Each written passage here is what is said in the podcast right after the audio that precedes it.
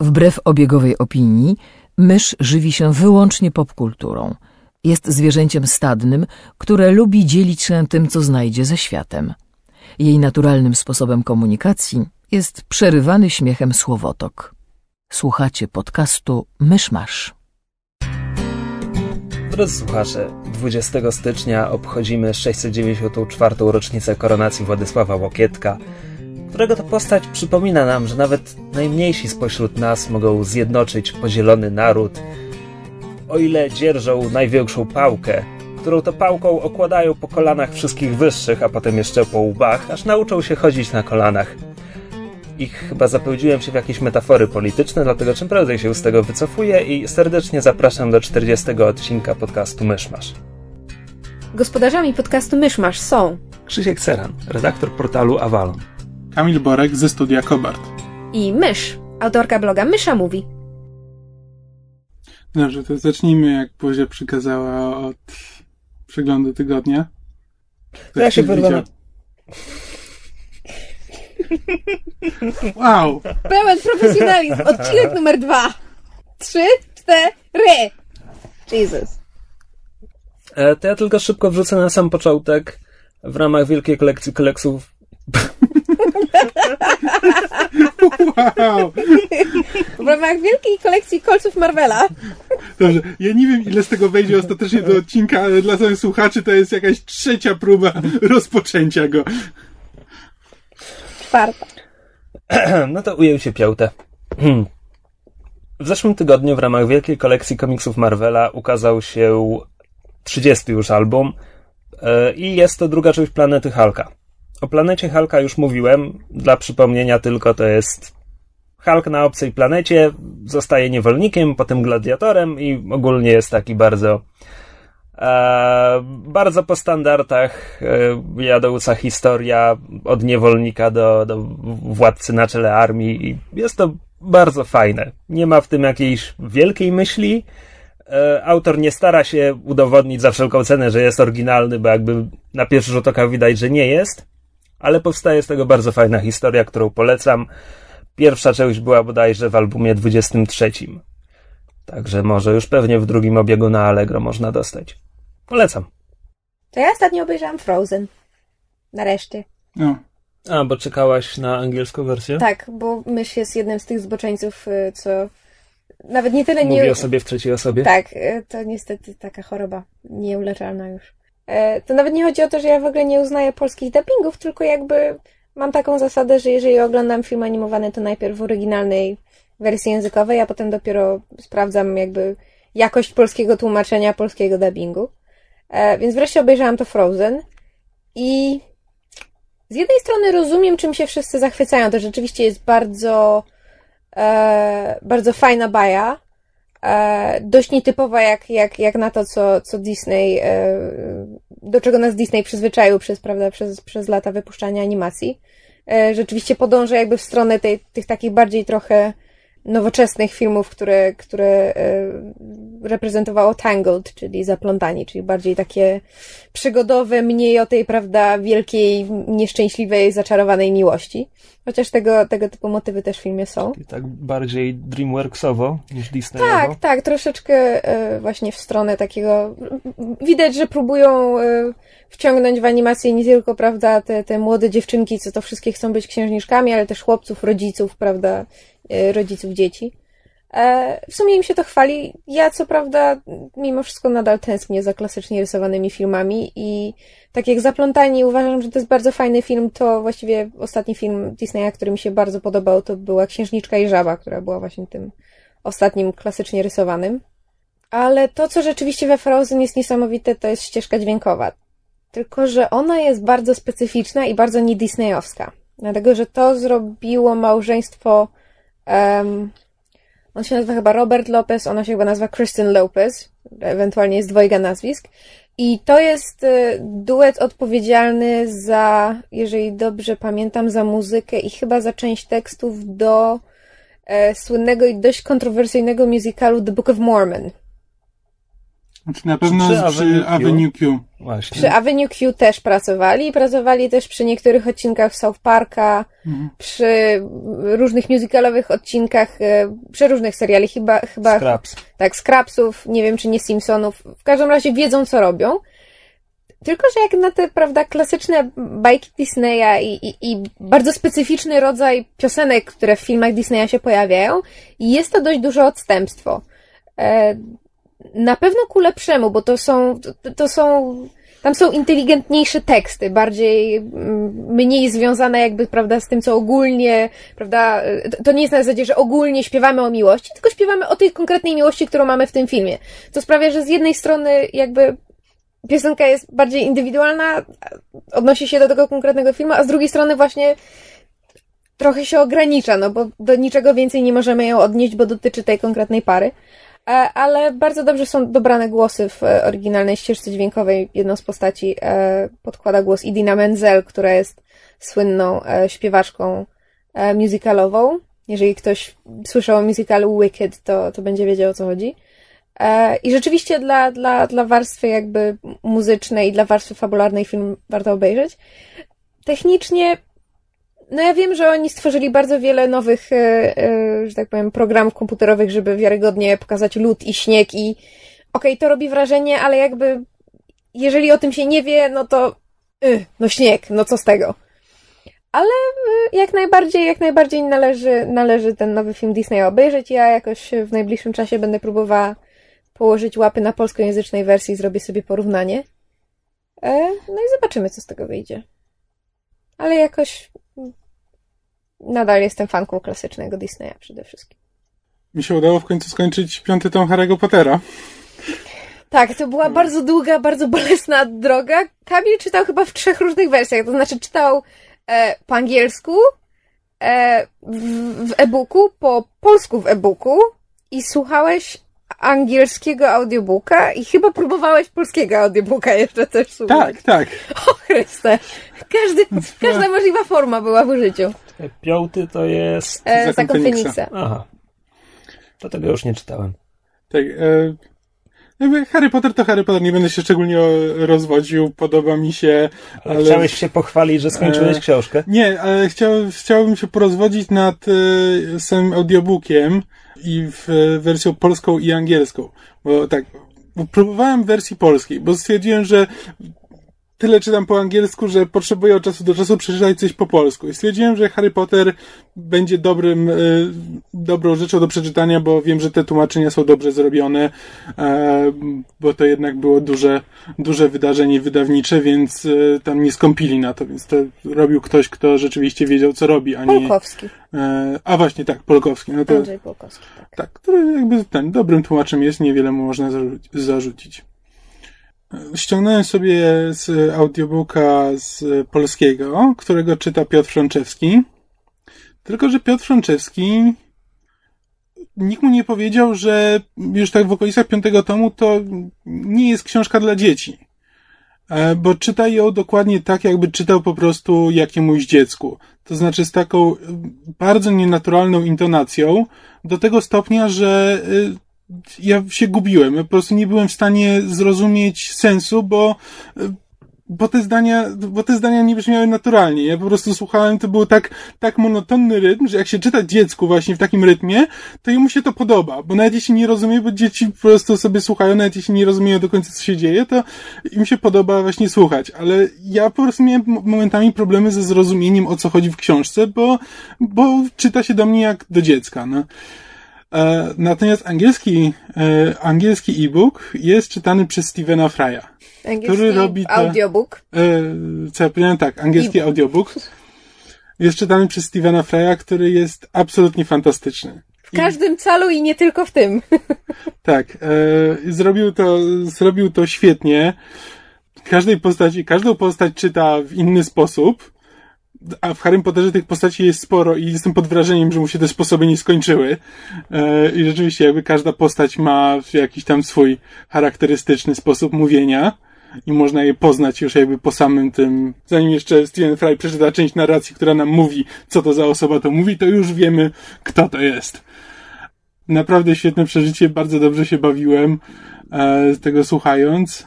Mogę polecić każdemu. Znaczy, nawet jeśli ktoś nie do końca zna angielski, to myślę, że też Harry Potter jest na tyle dobrym punktem wejścia, że można się właśnie poduczyć trochę. Jeśli ktoś Tak przynajmniej jest. na tyle, na tyle kojarzy, żeby mniej więcej się orientować w fabule. A to Tak, jest tak, że Fry przeczytał całą serię? Czy Tak. tyl- Tak, całe, Mhm. wszystkie. wszystkie Tak jak osiem. właśnie u nas z tego Siedem. wiem Franceski.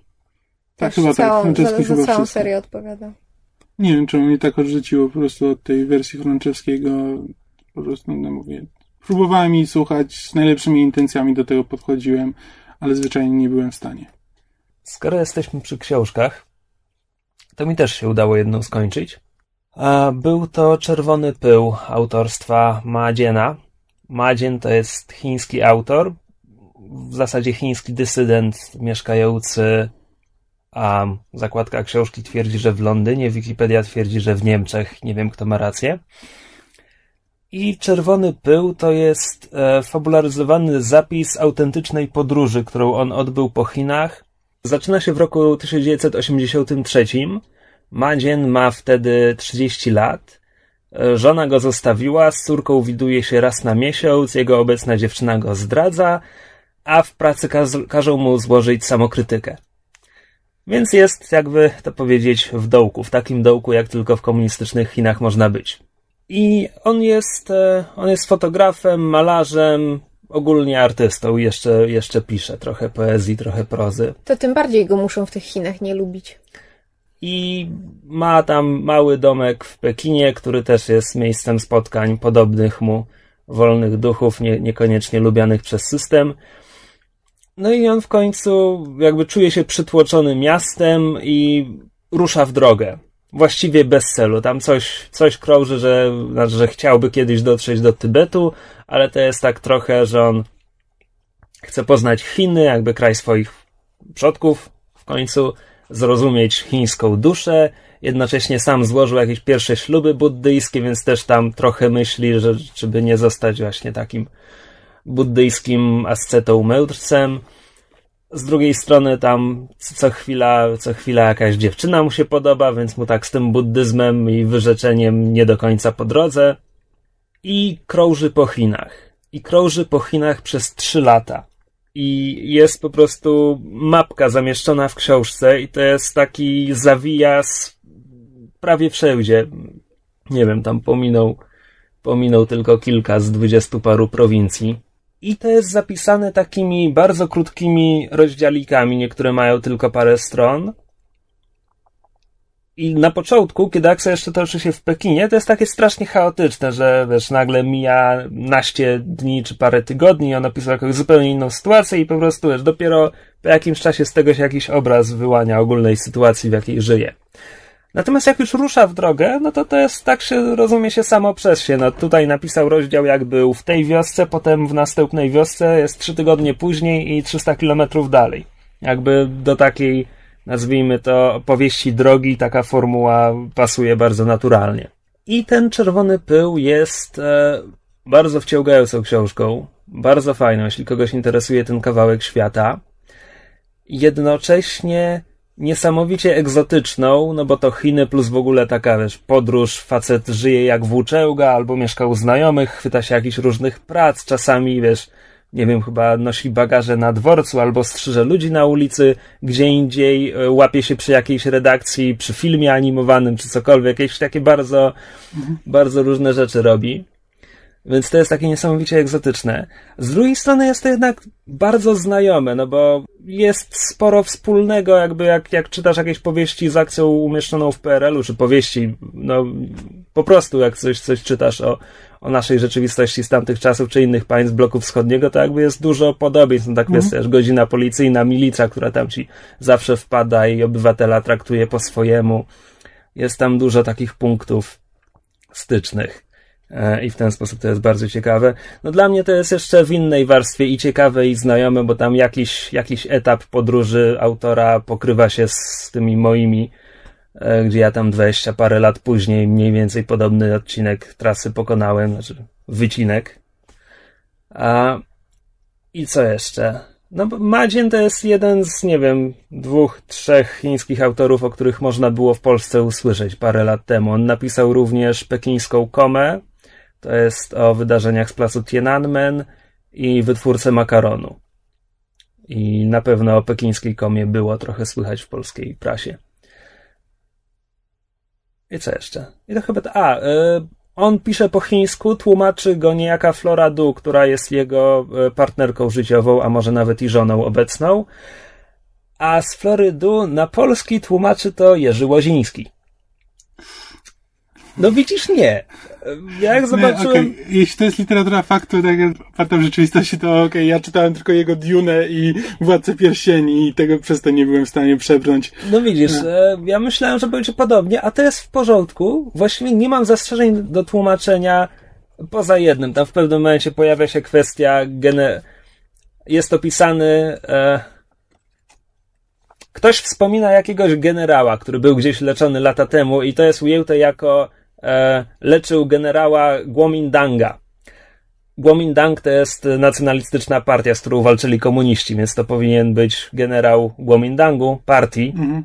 E, co jest o tyle dziwniejsze, że jeszcze potem nazwa partii wraca wielokrotnie, więc to jest, e, wiesz, ktoś, kto nawet nie ma pojęcia, co to jest, powinien to wyłapać z kontekstu później.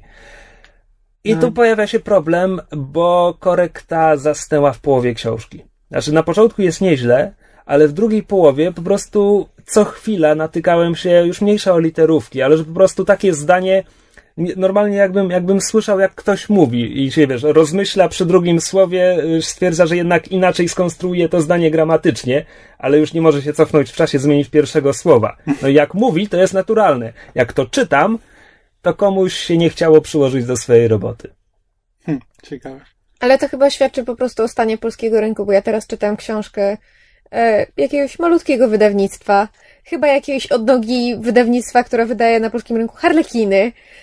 To jest bardzo znośnie przetłumaczone, ale zauważyłam tak a propos właśnie niewychwytywania, nie, niewychwytywania pewnych rzeczy, które jakby naturalnie wynikają z kontekstu i, i się powtarzają wielokrotnie, więc tłumacz powinien takich rzeczy pilnować. E, tam pojawiają się, pojawia się taki motyw, że um, służba na kołnierzach mundurów ma E, rąby różnych kolorów, które oznaczają różne dystrykty, do których należą. E, no po angielsku rąb to jest diamond, znaczy jakby ten kształt to jest, mhm. to jest diamond, czyli tak jak, jak, jak, jak w kartach mamy karo. E, I to też jest po angielsku diamond, więc wi wiem na pewno, że po angielsku było, że to są właśnie rąby. Tylko, że w książce naprzemiennie są, po polsku są rąby i diamenty. Co jest o tyle kłopotliwe, że jeden z najwyższych rangą tych tam, nie wiem, generałów rzeczywiście ma fizycznie diamenty zamiast wyszytych rąbów i potem jak one są używane naprzemiennie, już bez żadnej konsekwencji w, w kwestii rangi i hierarchii, to ja już się zaczynam gubić. Okay. No to tak a propos braku konsekwencji. Skoro ja już zabrałam głos i mówiłam o książkach, to jeszcze powiem o książce jednej, którą czytałam, e, ale powiem krótko, bo e, podejrzewam, że niewiele, niewielu z naszych słuchaczy może interesować. A może się mylę, kto wie. Sama sobie odpowiadam na swoje pytania. Cudowna rozmowa. Po co, my tutaj jesteśmy w ogóle? Nie mam zielonego pojęcia. E... Ktoś musi te guziki naciskać. Tak, też prawda. Ktoś Nie wiem, po co ja tu jestem. E, jesteś naszą maskotką. Dobrze. E, książka nazywa się The Selection. Autorką jest Kira Kass. Nie mam zielonego pojęcia, jak ta, jaki tytuł książka ma po polsku, ponieważ czytałam ją w oryginale. Um, w szponach selekcji. Tajemnica selekcji. E, albo coś w tym guście. Nie, mo może nazywa się po prostu selekcja. E, I książka jest bardzo specyficzna, ponieważ należy do gatunku e, tak zwanego Young Adult Fantasy Novel. Pod który poniekąd pod, podpada też e, e, tak, na przykład e, zmierzch. Nie, nie, to jest paranormal romance. Ale nie, ale jakby paranormal romance podpada pod Young Adult Fantasy Novel. To jest jakby podgatunek tego. Um, podgatunek podgatunku? Tak, tak. Niekoniecznie podgatunek, bo może być paranormal romance e, wcale nie przeznaczony dla young adult. Tak, ale umówmy się, że jednak większość z tego typu gatunku podpada, jednak e, kierowana jest do troszeczkę młodszych odbiorców. E, a przynajmniej obecnie na, na rynku wydawniczym wydaje się, że tak wygląda sytuacja, że po prostu wszystko jest do, do young adults kierowane, ale właśnie dlatego, że jest e, próba wykorzystania tej niszy, którą e, teoretycznie stworzył Zmierzch. No ale właśnie do tego się zaliczają takie książki typu Zmierzch, ale też Igrzyska Śmierci, które są lepsze, prawda, tam Niezgodna, wszystkie te takie wielkie e, młodzieżowe hity, o których często się mówi i które teraz są bardzo często ekranizowane.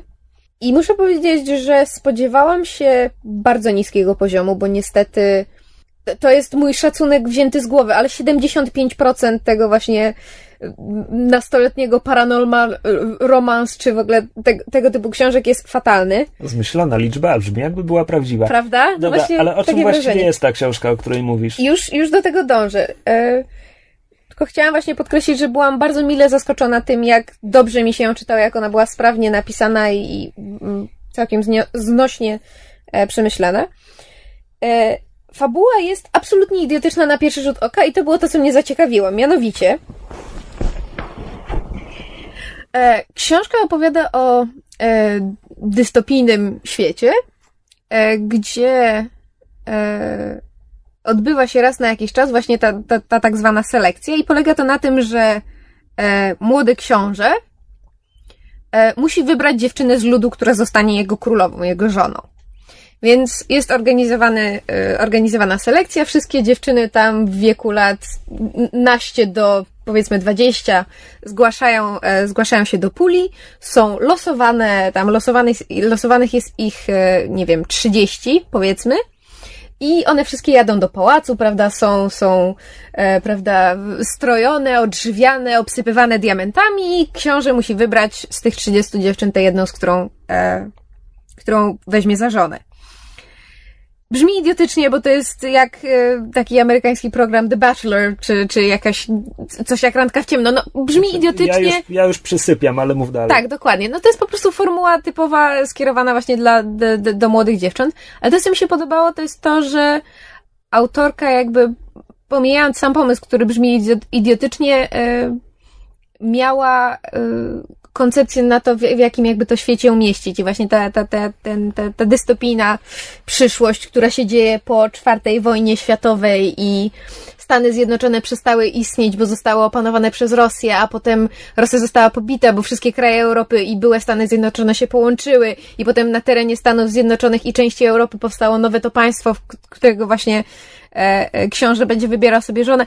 To jest wszystko strasznie skomplikowane, ale to, co mi się spodobało, to jest pierwszy tom z bodajże trzech książek i autorka tak sprytnie i tak rzadko jakby rzuca nam okruszki informacji, że człowiek autentycznie zaczyna tę książkę czytać nie po to, żeby się dowiedzieć, kogo książę wybierze, bo to jest oczywiste od początku, wybierze naszą główną bohaterkę, to w ogóle nie ma wątpliwości, która jest zresztą bardzo sympatyczna, ale czytają, żeby właśnie zorientować się w, jakby, w, jak wygląda większe, większe spektrum tego, tego, tego świata. E, byłam naprawdę w ciężkim szoku, jak dobrze mi się to czytało, jak bardzo mi się to spodobało, bo już wielokrotnie się nacięłam na tego typu książkach. E, i będę sprowadzać sobie e, drugi tom, też w oryginale jakoś niedługo i będę donosić, czy nadal poziom jest utrzymany, czy w ogóle lepiej się do tego nie dotykać.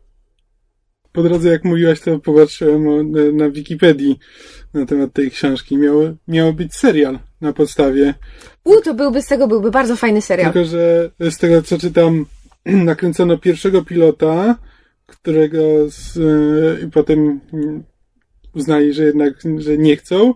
Nakręcili drugiego pilota i znów nie wzięli, więc chyba jednak a tak, ja nawet pa ja pamiętam, rzeczywiście ja coś słyszałam na temat, na temat e, tego, że mieli z tego nakręcić pilot, ale zupełnie mi to z głowy wyleciało i jakoś nie, nie pamiętałam, czy to było w kontekście tej książki, ale było coś takiego rzeczywiście. Ale a propos pilotów, bo chyba e, o tym powinniśmy wspomnieć chyba w poprzednim odcinku, bo to chyba nie jest aż tak nowy news, ale ostatnio stacja Fox stwierdziła, że przejmuje model e, kablówkowy, że już nie będzie w następnym sezonie e, wypuszczać pilotów, tylko pełne tak. sezony będzie wykupywać od razu. Tak, że po prostu wykupuje od razu, od razu cały sezon i nie będzie podejmowała decyzji na podstawie pilota. A tak a propos nowych seriali, to dzisiaj chyba poszła wreszcie oficjalna wieść, że Marvel ten postanowił nakręcić serial na podstawie przygód agentki Carter, którą to już znamy. jest oficjalne? Tak, właśnie dzisiaj chyba poszła, posz, poszedł oficjalny news. Agentka Carter to jest postać bardzo fajna zresztą z filmów Kapitan Ameryka. Kapitan Ameryka, tak. Jeżeli słuchacze nie wiedzą, kto zacz. Czemu mówisz w liczbie mnogi? Jednego filmu Kapitan Ameryka. No zaraz jest drugi. I jej tam chyba nie będzie. Ale koncepcyjnie istnieje we wszystkich filmach o Kapitanie Ameryce, bo on się w niej śmiertelnie kochał. A to się ładnie przeplata, bo ja miałem wspomnieć jakiś czas temu, że uzupełniłem te krótkometrażówki Marvela. Marvel poza swoimi filmami kręci jeszcze parominutowe filmy, które umieszcza jako bonusy na DVD do swoich filmów i to tam chyba albo dość losowo, albo z jednym filmem opóźnienia, nie pamiętam, bo tam e, było tego cztery na razie. Pierwszy był chyba e, nie, nie do końca wiem, jak przetłumaczyć tytuł. Śmieszna historia, która zdarzyła się po drodze do Młota Tora. I to jest agent Colson jedzie do Nowego Meksyku, do Młota Tora, e, zatrzymuje się na stacji benzynowej, stacja benzynowa zostaje napadnięta przez bandytów, złodziei. To jest cały film, cały pomysł na film e, i to był to był taki chyba pierwszy raz agent Colson pokazywał się jako bohater kina akcji, bo dotąd w filmach jego rola ograniczała się do bycia uprzejmym, uśmiechniętym i, I do odrobinę mówienia do ironicznym. słuchawki też, tak. Tak, i do mówienia do słuchawki. Potem był konsultant i to była rozmowa agenta Colsona z agentem Sitwellem. To taka czwartoplanowa postać przewinęła się przez Tora i występuje w agentach tarczy. Chyba raz był na razie. I to było fajne, bo to z kolei oni już tylko siedzą przy stoliku i gadają. Tam nie ma nic więcej, Tak, jeśli i dobrze gadają, pamiętam. gadają chyba o, o Tonim Starku? Tak, bo to był właśnie ta krótkometrażówka wyjaśniała, bo pierwsze ogniwo, że Marvel będzie robił spójny świat, to jest występ Nika Fury'ego na końcu Ironmana, gdzie on znaczy pojawia się w domu Starka i mówi tam nie jesteś jedynym superbohaterem. Drugie ogniwo to było, kiedy Tony Stark pojawił się na końcu e, The Incredible Hulk. Kiedy podchodzi do generała Rossa i mówi mu, masz problem, możemy ci pomóc, czy słyszałeś o inicjatywie Avengers? Z którego to wątku nic nie wyszło. Generał Ross nie pojawił się później w żadnym innym filmie i właśnie krótkometrażówka konsultant wyjaśnia o co chodzi. A chodzi o to, że Fury nie chciał współpracować z Rossem, tylko właśnie ta Rada Shield czy ktokolwiek kazali, ka, kazała mu nawiązać współpracę. W związku z tym poprosili o pomoc Tonego Starka, bo wiedzieli, że on tak zirytuje Rossa, że on nie pójdzie na współpracę. Genialne rozwiązanie. Tak, to jest bardzo ładne i to jest też znowu cały pomysł na film. Potem był Obiekt 47 i to była krótkometrażówka dołączana do Avengers i jest już po ataku kosmitów na Nowy Jork i dotyczy tego, że dwójka ludzi znalazła broń tych, tychże kosmitów i Chitauri. tak e, i udało im się uruchomić. To jest niezwykłe, bo ze wszystkich artefaktów, które pozostały po kosmitach, żaden nie działa. No i właśnie tutaj w głównej roli jest agent Sitwell, który zostaje wysłany, żeby ich zneutralizować, ale wpada na lepszy pomysł i tam ściąga ich do SHIELD. I teraz tak. Ta krótkometrażówka była, mm, nazwijmy to, nie wiem, no, przykładem tego, czym ma być serial Agenci Tarczy.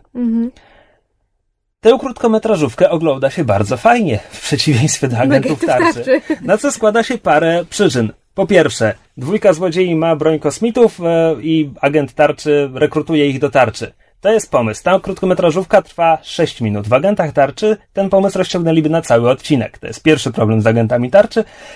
A po drugie, w tej krótkometrażówce. Brr, po drugie, w tej krótkometrażówce w głównej roli żeńskiej występuje Lizzie Kaplan, która jest aktorką, Którą kochamy. w przeciwieństwie do pań występujących w agentach tarczy. A z wyłączeniem agentki May, No tak. która z kolei jest aktorką i nie dają jej nic zagrać. Tak. Biedna. A czwarta krótkometrażówka? A czwarta krótkometrażówka nazywa Moja się ulubiona. Moja Agentka ulubiona. Carter. E, I to jest krótka przygoda agentki Carter już w roku 45 czy 6 po zakończeniu wojny w każdym razie, kiedy ona jest agentką tej SSR, czyli poprzedniczki SHIELD, tylko trzymają ją za biurkiem, nie dają nic jej zrobić. Ma z- złego, szowinistycznego szefa, wspaniały występ Bradley'a Whitforda w mikroskopijnej rulce. E, ale wyrywa się na misję jakby bez, bez jego wiedzy, która oczywiście idzie jej znakomicie.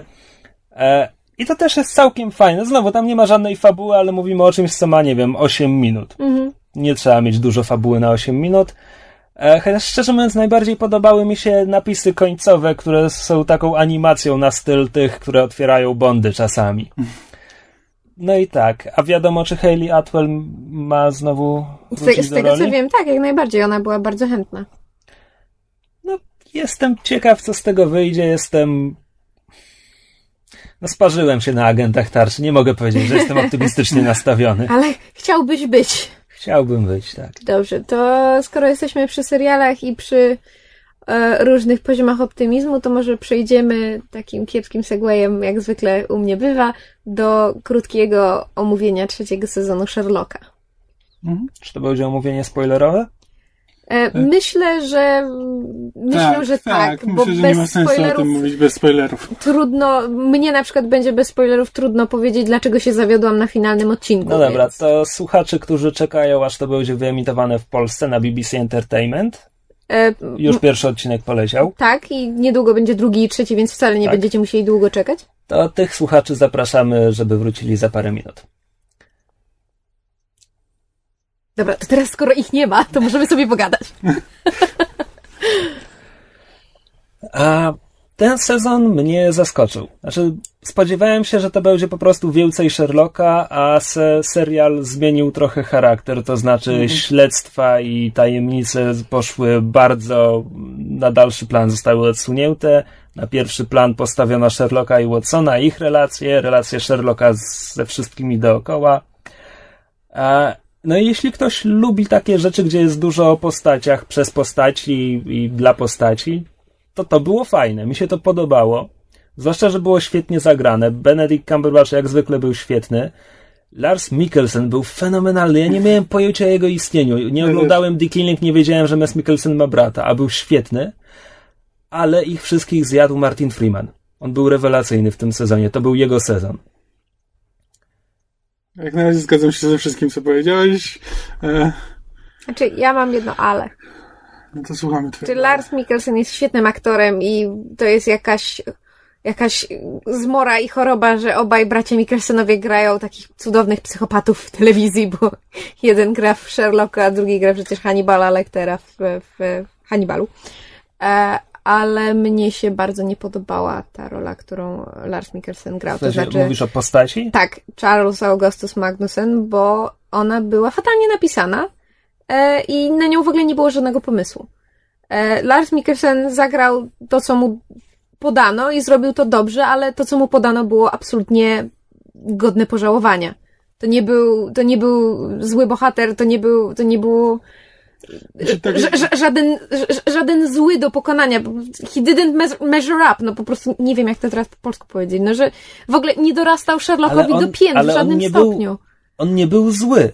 Ale- On był obrzydliwy, ale on nie był zły. Ale on nie stwarzał żadnego zagrożenia, a wszyscy go opisywali i mówili o nim tak, jakby on był po prostu naj, najstraszniejszą rzeczą na świecie, tym, ko- kogo wszyscy się boją. On, on Nie, on nie był prostu- straszny, on był Ale ja nie podły. mówię w kontekście straszny na zasadzie, że ojej, jesteś taki straszny, tylko na zasadzie, że wszyscy się go obawiali, wszyscy mm, robili z niego największe zagrożenie, a on, Bo miał haka na wszystkich. No to, ale to nie jest, to nie jest nic ciekawego, Znaczy, zwłaszcza... umówmy się, trzeci odcinek to był Sherlock Holmes kontra e, Rupert Murdoch, okej? No to jest mowa o złym magnacie prasowym spoza kraju, no.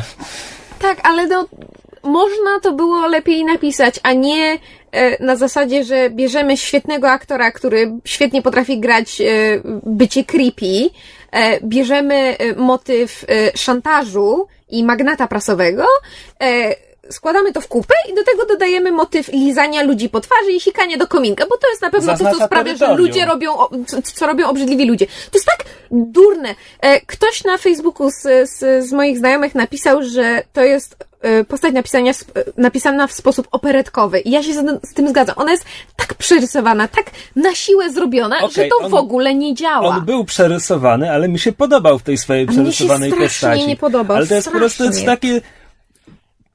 To jest taka perfekcja chamstwa, pokazanie, pokazanie, że możesz zrobić wszystko w taki najprostszy, najbardziej organiczny, obrzydliwy sposób. Tak, tylko że ja rozumiem, że on miał na wszystkich haka, ale mam, może to jest tylko moje wrażenie, ale po prostu oglądając serial, e, znaczy oglądając ten odcinek, zastanawiałam się, że okej, okay, szczyt hamstwa, wszystko osiągnięte najprostszymi e, e, środkami, nasikał komuś do kominka.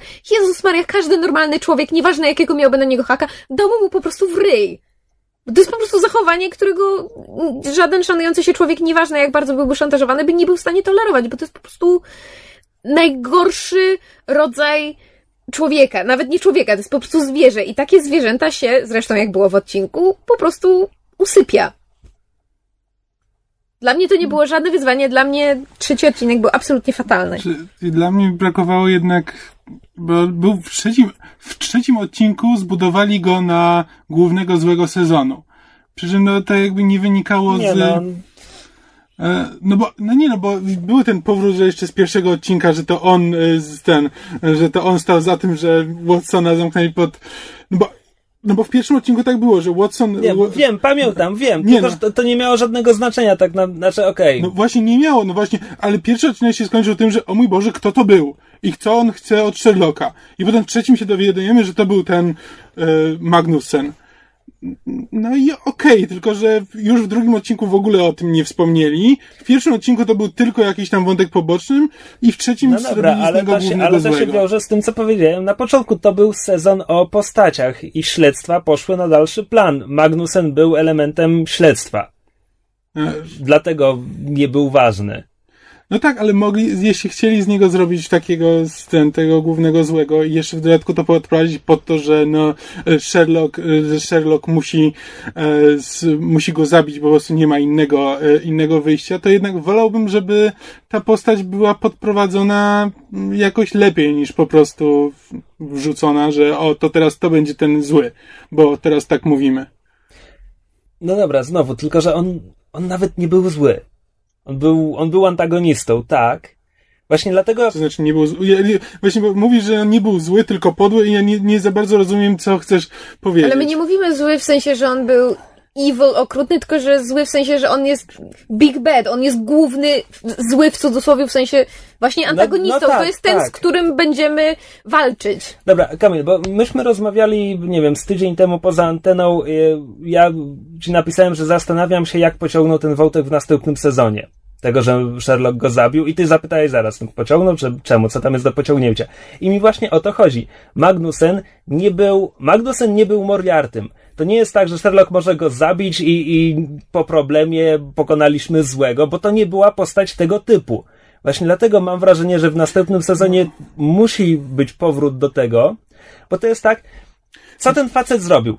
ten właśnie... facet miał haki na ludzi i był przekonany o, o, tym, że wiesz, ma nad wszystkimi władzę, bo ma na nich haki i Sherlock go po prostu zabił, co mu się nie mieściło w głowie, bo on nie zrobił niczego, za co należałoby go zabić. Należało. Yy,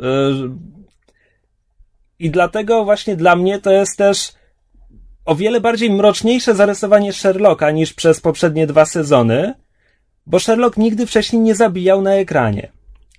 I dlatego dla mnie to jest coś, co to powinno znaczy, wrócić w następnym sezonie. Ja tutaj, jeżeli mogę coś nadmienić, znaczy... bo prawdą jest, że Sherlock nigdy, znaczy, mm, ja nie widziałam wszystkich Sherlocków, ich jest, nie pamiętam, 170, 700, nie wiem, no. jeden z najczęściej ja adaptowanych książek. BBC. Tak, dobrze, ale właśnie ja do tego dążę, że ten Sherlock jeszcze nigdy nikogo nie zabił, ale zauważ, że ten Sherlock BBC bardzo silnie odnosi się do kanonu Artura Conan Doyle'a, do wszystkich e, książek e, napisanych o Sherlocku i w tej książce, w której pojawia się postać, której odpowiednikiem w serialu jest Charles Augustus Magnussen, e, w książce, w oryginale, Sherlock nie do końca go zabija, ale pozwala mu umrzeć. Nie robi nic, żeby to powstrzymać, a byłby w stanie. I, już powstały teorie, że właśnie to, to, nie jest tak, że och, Sherlock BBC jest zły, bo go zabił, to jest prawda takie mroczne. Nie, bo on zawsze taki był, to zawsze miało się tak skończyć, tylko po prostu Moffat i Gatti, twórcy, twórcy y, Sherlocka BBC, postanowili pociągnąć to ten jeden krok dalej, pokazać rzeczywiście, jak Sherlock kogoś zabija. Co do gry z kanonem, to mi się bardzo spodobało to, jak w trzecim odcinku uśmiercili Mary Morstan, bo wszyscy się spodziewali, że Mary Morstan zginie, bo w tak. kanonie umiera. E, ale... ale to jeszcze może wrócić. Oni ją jeszcze mogą zabić w czwartej tak, serii. Tak. Znaczy, ja tylko, to, to co ja mam to, temu do zarzucenia, to jest właśnie to, co powiedzieć, że to nie jest postać na miarę Moriartego. To nie jest Moriarty. To nie jest główny zły. ale jest tak napisany, jest tak pokazany, w tym odcinku jest tak pokazany, jest prowadzony jak właśnie jak właśnie zastępstwo Moriartego, jak Okej, taki wielki zły. zgadzam. I e, to mi powoduje po prostu taki dysonans, że wygląda na takiego wielkiego, a zamykają to w jednym, w jednym odcinku. Poza tym ja, bardzo mnie ciekawi to, co powiedziałeś, że twoim zdaniem jeszcze ten e, jakby kwestia tego e, Magnusena wróci. A ja się z tym nie zgadzam.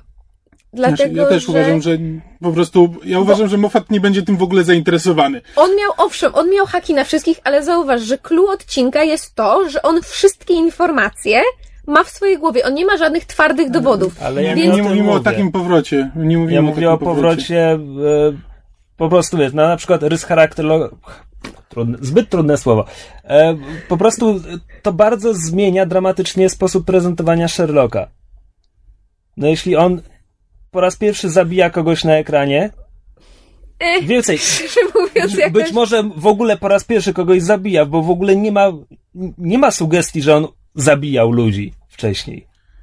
Wiesz co, ja na to nie patrzyłam w tym, w, w tym kontekście, bo stwierdziłam, że jeżeli jest to temat, który e, twórcy będą chcieli poruszyć, to e, zrobią to po swojemu i bardzo możliwe, że nawiążą do Magnusena w stopniu minimalnym. Mnie bardziej interesuje to, że właśnie e, budowano Magnusena na tego właśnie e, drugiego Moriartiego, a, a rozwiązano go w jednym odcinku i żeby było śmieszniej, w tym samym odcinku na sam koniec teoretycznie wraca Moriarty. Ja się spodziewałem, że to jest zmyłka. Oczywiście, że to jest zmyłka. Znaczy, y, wiodąca teoria w, jest taka, że to jest um, Sebastian Moran jest za to odpowiedzialny, czyli ten e, zabójca na usługach Moriartego, że, że bo e, nie zostało pokazane, co, co się z nim stało. To znaczy, zostało pokazane, że jakby um, MI tam 5 czy 6 e, się nim zajęli, żeby on nie zastrzelił Watsona, kiedy, prawda, w, pod koniec poprzedniego sezonu e, Sherlock skacze z dachu, ale nie zostało pokazane, co się z nim stało, więc Znaczy, Moja teoria jest taka, że po prostu Moriarty wprowadził plany przed swoją śmiercią, że po swojej śmierci jeszcze będzie torturował Sherlocka. Tak, ale właśnie e, on, ten- on był takim genialnym złym, który planował 15 kroków naprzód, a Magnusen to był to był debil, który trzymał wszystkie tajemnice w swojej głowie w momencie, kiedy wystarczyło go zabić, żeby wszystkie jego plany poszły się, przepraszam bardzo, jebać, no. To nie jest geniusz, to jest debil. To nie jest zły, to nie jest zły na miarę Sherlocka. Twórcy po prostu tak się rozleniwili. Mi się tak ten trzeci odcinek nie podoba. O Chryste, jak on mi się nie podoba. Wszystko mi się w nim nie nie. podoba. Znowu, ale to jest tak jak, nie wiem, wredny nauczyciel w szkole, którego uczniowie nie lubią, jest wredny i pastwi się nad nimi, bo ma nad nimi władzę, nie spodziewa się, że któryś uczeń wyciągnie pistolet i go zabije. To jest dla mnie taka sytuacja, bo Magnusen nie jest geniuszem zła, przestępcą, kryminalistą. Znaczy, ale jest na takiego kreowany. To jest mój. znaczy, Ja nie jest mam problemu z no nie jest, postacią, ja mam nie jest problem z powiedzmy twórcami. mordercą, nie jest może mordercą, nikogo nie zabił, ale No jest właśnie. kryminalistą, jest sz, szantażystą i wykorzystuje, wykorzystuje nielegalnie zdobyte informacje, żeby budować swoje imperium. To jest kryminalista, no i to Tak, jest złe, no to może nie jest morderstwo, Tak, ale, nie, to na, tak, nie na czasami tę nawet miarę. gorsze. Nie na tę miarę, nie jakby nie zasłużyłby na karę śmierci tym, co robił. Miał prawo nie spodziewać się, miał prawo być przekonany o swojej nietykalności. I e, jakby znowu, on też powinien mieć na swoich usługach ludzi. To też powinna być sytuacja, w której e, ktoś, kto by go zabijał, robiłby to ze świadomością, że je, ludzie Magnusena sprawią, że on za to beknie. Nie ma takiej sugestii w tym odcinku i tak tego brakuje. Ale właśnie ja uważam, że nie powinna w ogóle. To, że nie ma takiej suge- sugestii, wynika z tego, że to jest po prostu niemożliwe. On nie ma żadnych dowodów. On mógł im przekazać część wiadomości, żeby oni przy ich pomocy szantażowali tych ludzi w jego dalszych planach, ale to by można było Znowu, znowu, ale- rozwiązać jednym Ale prostym jest, działaniem. ale tu jest piękna kwestia. Jestem wydawcą prasowym, nie potrzebuję dowodów. Dobrze, ale w momencie, kiedy ten wydawca prasowy ginie i ci jego ludzie, no co, bo będą się chodzić? tego. O Jezu, właśnie o to mi chodzi, bo on się tego nie spodziewał i dla mnie to jest absolutnie naturalne A dla ja? takiej postaci, że on się nie spodziewa, że Ja tego- ktoś ja tego podniesie ogóle- na niego rękę. Ja tego nie akceptuję, że on się nie spodziewał, bo Dobra. w momencie, kiedy wstaje się szranki z Sherlockiem Holmesem, to wiadomo, że przegrasz, bo, bo tak. Bo, bo po prostu, bo tak, no. Ale on jest pławiącym się w luksusie facetem, którego, wiesz, facet, który biega po Londynie i rozwiązuje zagadki, nie ten poziom, no nie interesuje się im. Nieważne, nie zgodzimy się do, do postaci Magdusena. E, Move on. Nie, e, wspomnijmy o drugim odcinku, które, na którego temat słowem się nie wypowiedzieliśmy, bo o pierwszym odcinku mówiliśmy ileś odcinków Dobrze, naszego to, podcastu temu. To ja może powiem... W Sherlocku drugi odcinek dotąd tradycyjnie bywał najsłabszym w sezonie mysz mnie zaraz zje, ale moim zdaniem tutaj też był najsłabszy. Nie był tak słaby jak e, Ogary Baskerville, czy jakkolwiek się nazywał odcinek i Niewidomy Bankier, czy jakkolwiek nazywał się tamten odcinek, ale co, był słabszy od dwóch pozostałych. Co jest o tyle ciekawe, że akurat Ogary Baskerville są uważane za jeden z najlepszych odcinków. No ale nieważne. E, ja są jestem... uważane przez jakieś bezcielesne nie, przez fanów w ogóle, ogólnie. Przez fanów Sherlocka są uważane za jeden z lepszych odcinków. Fani się nie znają. Eee, słuchaj. Dobrze, ja bym chciała coś powiedzieć. Eee, czy już powiedziałam, że trzeci odcinek mi się w ogóle właściwie nie podobał? Znaczy, podobały mi się wszystkie kwestie jakby związane z relacjami między e, już nie dwójką, tylko właściwie trójką naszych bohaterów, czyli Sherlockiem, e, Watsonem i Mary. E, a cała, cała fabuła trzeciego odcinka była absolutnie bez sensu. Włącznie z finałem, który najchętniej bym wykasowała. E, pierwszy odcinek był bardzo fajny, jeśli chodzi o takie kłanianie się fanom i dawanie im tego, na co dwa lata czekali, ale fabularnie i emocjonalnie też był taki e. A drugi odcinek mi się z kolei szalenie podobał, ale może z tego względu, że ja nigdy nie oglądałam Sherlocka dla spraw, czyli dla tak zwanych case'ów, właśnie dla tych wszystkich detektywistycznych zagadek, tylko ja oglądałam ten serial dla relacji między bohaterami. I w drugim odcinku dostałam ich tyle i dostałam ich takie cudowne zmiany i niuanse i fluktuacje, że to jest dokładnie to, co, co ja w tym serialu lubię i mi się drugi odcinek szalenie podobał. Szalenie go przeżyłam i tak jak rozumiem e, wady, które ma, to jakby kompletnie, kompletnie przechodzę nad nimi do porządku dziennego, w ogóle nie zwracam na nie uwagi. Znaczy, znowu, na poziomie relacji między postaciami, po prostu, że są tam fajne sceny, on był bardzo fajny. Natomiast to, paradoksalnie akurat w tym odcinku było najwięcej takich czysto detektywistycznych spraw, spraw, spraw, e, które na dodatek, przepraszam, się skumulowały. Bo ja macham, ja macham mikrofonem i to się może odbić na tym które na dodatek w finale się splatają. I mi się to tak I, strasznie podoba. Tak, i to jest strasznie fajne. I w tym, w tym momencie strasznie mi zabrakło, żeby w pierwszej połowie odcinka była jakaś sugestia, że one się skumulują, żeby tam było jakiekolwiek napięcie w pierwszej połowie odcinka. Ale, ale ja myślałem, że to jest oczywiste, że one się skumulują, ale nie na zasadzie znaczy, tak, tak, no, naka tak nakazuje imperatyw fabularny seriali. Biorąc pod uwagę, że w pierwszej scenie nam pokazują tego żołnierza, który potem właśnie ginie pod prysznicem, to jakby dla mnie było jasne. I potem pokazują tego z kolei żołnierza, tego dowódcę tak, Johna. z osmaloną twarzą. Tak, to który się ubiera. dla mnie było jasne, że te sprawy potem, że no, ten żołnierz musi mieć jakiś związek z... nic nie jest pokazywane bez powodu, no. Tak, no, że przecież nie pokazują go w pierwszej scenie tak sobie po prostu po to, żeby wrócił w środku i nie miało to wpływu na koniec. Słuchaj, e, Sherlock ma tak chaotyczny, gwałtowny montaż. Tak, w że tym sezonie zwłaszcza. Jakby gubią się takie rzeczy dla mnie.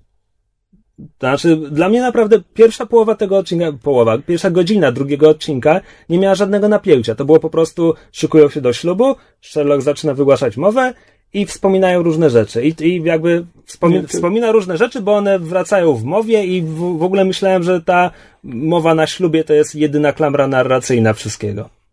Nie, to ja zupełnie nie miałem takiego wrażenia, bo ponieważ właśnie w pierwszej scenie pokazują i tego czarnego żołnierza, który ginie pod prysznicem, i, i potem jeszcze tego, tego dowódcę, jakby tak, e, jakby po pierwszej scenie mm, miałem wrażenie, że on ma coś właśnie wspólnego z tymi morderstwami, tylko że to przez cały czas się zastanawiałem, czy on jest właśnie, czy on jest jakimś mordercą, czy on jest właśnie ofiarą e, i ja tego szukałem przez, e, przez pierwszą godzinę. Jeśli rzeczywiście przegapiłeś tą pierwszą scenę i przegapiłeś, że było coś takiego na początku, no to nie dziwię się, że po, początek nie miał dla ciebie żadnego, ten, e, żadnego napięcia, ale mm, Ja się zgadzam wiem. tutaj z Kamilem, bo ja też no tak dobra, zwróciłam wiem. uwagę.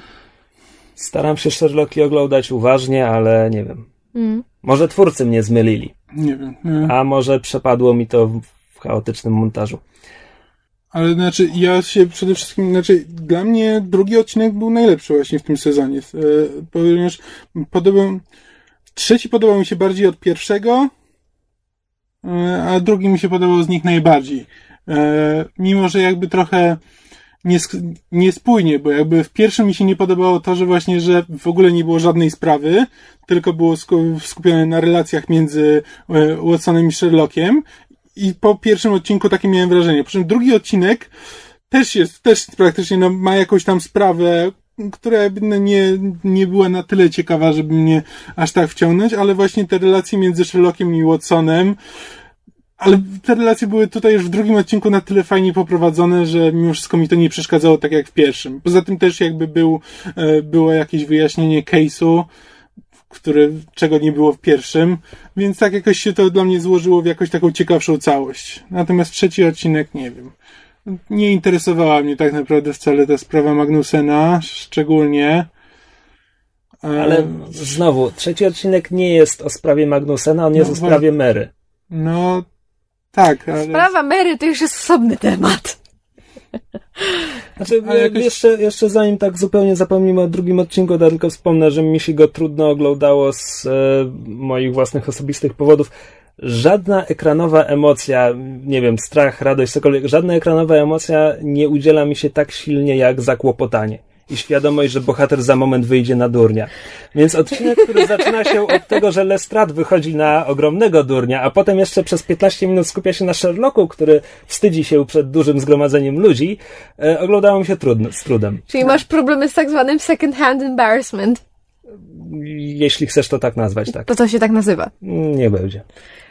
E, Dobrze, to, to może dwa słowa rzeczywiście o Mary Morstan i, bo, bo to nowa postać ważna w tym sezonie i co sądzimy o tym, jak ją wprowadzono, jaka ona jest, jakie był, jakie Znaczy- było rozwiązanie w finale. Wprowadzono ją, w pierwszym odcinku wprowadzono ją tak bardzo, żeby spodobała się fanom, że byłem mocno przekonany, że robią to po to, żeby fani się zżyli i odczuli jej śmierć w odcinku trzecim. Więc byłem zdumiony, Nie, ja kiedy zabito ją w trochę inny sposób.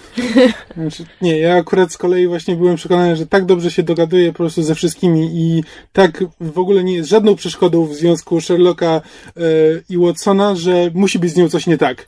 I ja właśnie ten, ja właśnie się spodziewałem właśnie tego, że będzie, szczególnie, że oglądając Elementary, gdzie jakby z, e, To, e, kobiety mają tak, gdzie też jakby się, tajemnice. tak, to, e, mówiliście w podcaście, że Irene Adler jest Moriartym w Elementary. To Tak, przy no. okazji zaspoilowaliśmy drugi serial. Dobra, ale no, to jakby dokładnie miałem wrażenie, że będzie dokładnie to samo i że Mary się okaże nie tym, za kogo się podaje. Bo gdyby, bo, bo z drugiej strony też znam jakby z, po oglądaniu już Sherlocka tyle czasu, znam sztuczki Moffata na tyle, że samo zabicie po prostu tej postaci byłoby za nudne dla niego i nie się, i by go to w ogóle nie interesowało. Bo on tak bardzo lubi krzywdzić swoje postacie, a jednak większą krzywdą w tym momencie jest ta cała akcja z tajemnicą i z tym, że ona go okłamała, niż to, że. Tak, bo zabicie byłoby nudne, zabić. no bo co, zabił i by musiał się Watson potem e, martwić tym. No, nic to nie wprowadza jakby do serialu.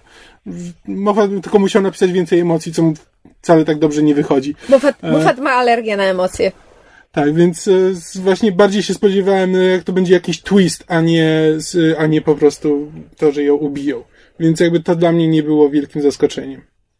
Dla mnie w sumie większym zaskoczeniem był wątek tej e, Janine, tej druhnej, która w drugim odcinku e, miała całkiem sympatyczne relacje z Sherlockiem, a potem w trzecim odcinku okazuje się, że Sherlock ją e, uwodził właściwie tylko i wyłącznie po to, żeby się dostać do biura Magnusena. To mi się bardzo, to była bardzo ciekawa relacja i bardzo, bardzo mi się spodobała i w sumie była dla mnie większym zaskoczeniem niż cały wątek Mary. Ale właśnie, nie wiem, to jest dla mnie, to, to jest problem niestety z tym serialem, e, że to jest Moffat plus Gatis, okej. e, Jeszcze jest ten trzeci, o którym wszyscy zawsze ich, zapominają. sztuczki, ich sztuczki są już na tyle, na tyle jasne, że to jest trochę tak jak z Jossem Whedonem, że ja się w którymś momencie już zaczynam spodziewać, wiesz, co się, co się stanie, bo wiem, że będą chcieli to jakoś zakręcić dookoła.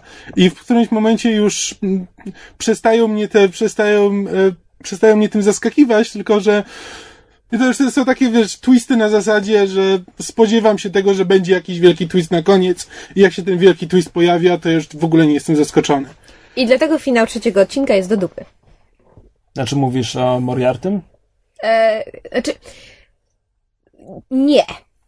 To, co mi się nie podoba w finale trzeciego odcinka, to nie jest to, że mamy y, w cudzysłowie teoretycznie powrót Moriarty'ego, tylko to, że e, Moffat zamiast pójść po rozum do głowy, a myślałby kto, że miał już doświadczenie, biorąc pod uwagę, co się przez ostatnie dwa lata działo z fanami serialu, Moffat powinien był e, wsadzić Sherlocka do tego samolotu, którym on niby odlatuje do tej tam Europy Wschodniej, Polski, nieważne. Polski, Polski. Tak, do Polski. W Polsce miał wylądować. Tak. E, wsadza go do tego samolotu, widzimy jak samolot odlatuje, widzimy ten, prawda, powrót tego Moriarty'ego, te wszystkie ekrany, prawda, z y, Did You Miss Me?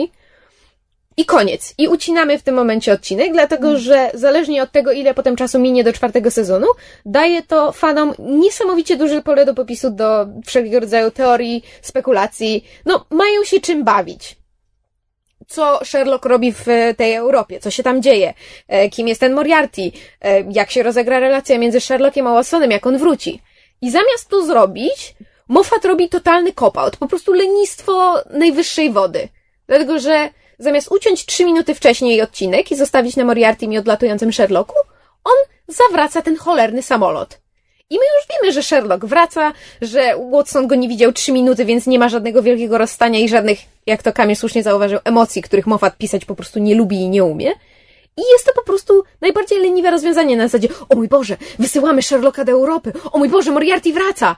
Eee, Sherlock też. Jak, jak to jest, że już trzeci raz powtarzacie, że Moffat nie umie pisać emocji, a jednocześnie wszyscy chwalimy ten sezon za to, jak rozegrał relacje Bo to między jest postaciami? gratis. To innego, To to jest jest- tylko i wyłącznie gratis. Ale nie, dla mnie No to... dobra, ja nie rozróżniam, wiesz, którą linię Znaczy, dialogu, który z nich Nie, pisze. ja też nie, ja jakby nie o tym mówię. Dla mnie jakby relacje między tymi postaciami, a pokazywanie emocji na prawdziwe, wiesz, on bardzo pokazuje fajnie przyjaźń między Watsonem i Sherlockiem, ale jeśli ma pokazywać emocje na jakieś rzeczywiste, e, rzeczywiste sprawy, rzeczywiste emocje, to to już mu nie wychodzi.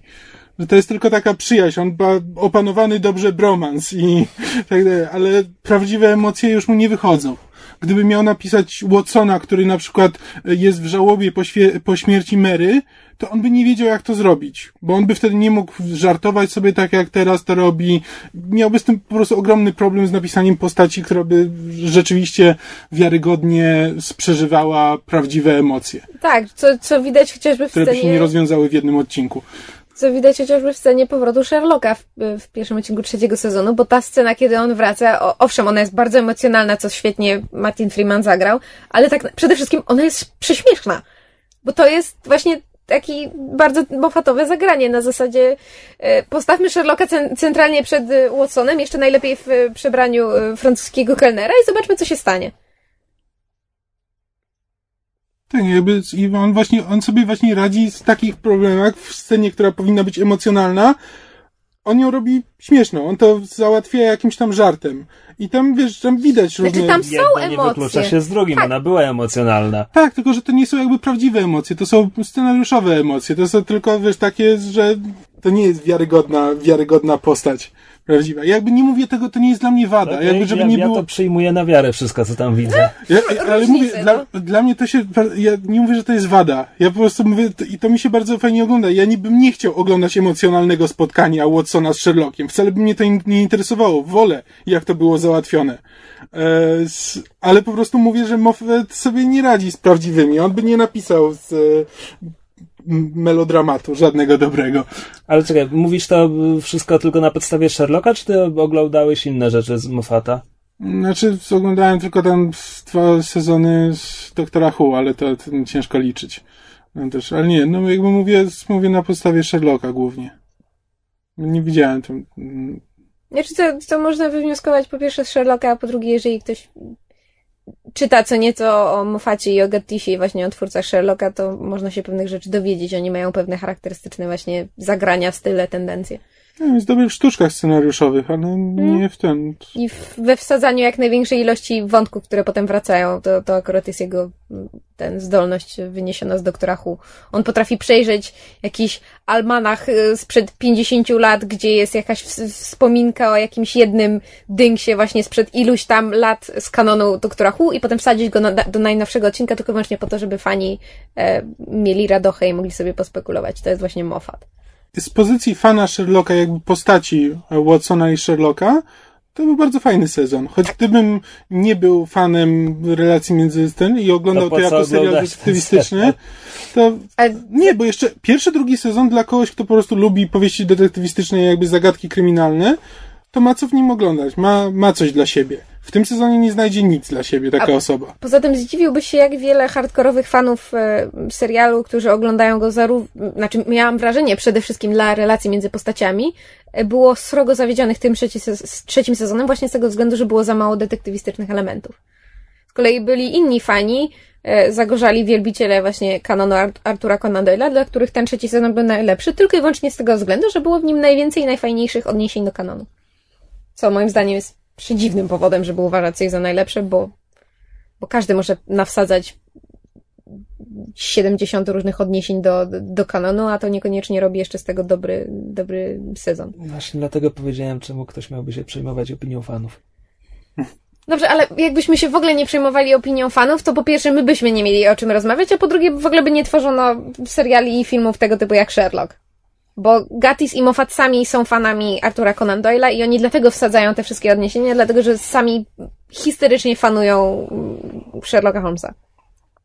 Fanują? Tak fanują. It's a word. Look it up in fucking Google. Dobra. E, czas przejść do, czas przejść do maili. Maile. Witam, Nie. witamy z powrotem słuchaczy, którzy nas opuścili. Chyba, że opuścili nas na stałe, wtedy idźcie się wypchać.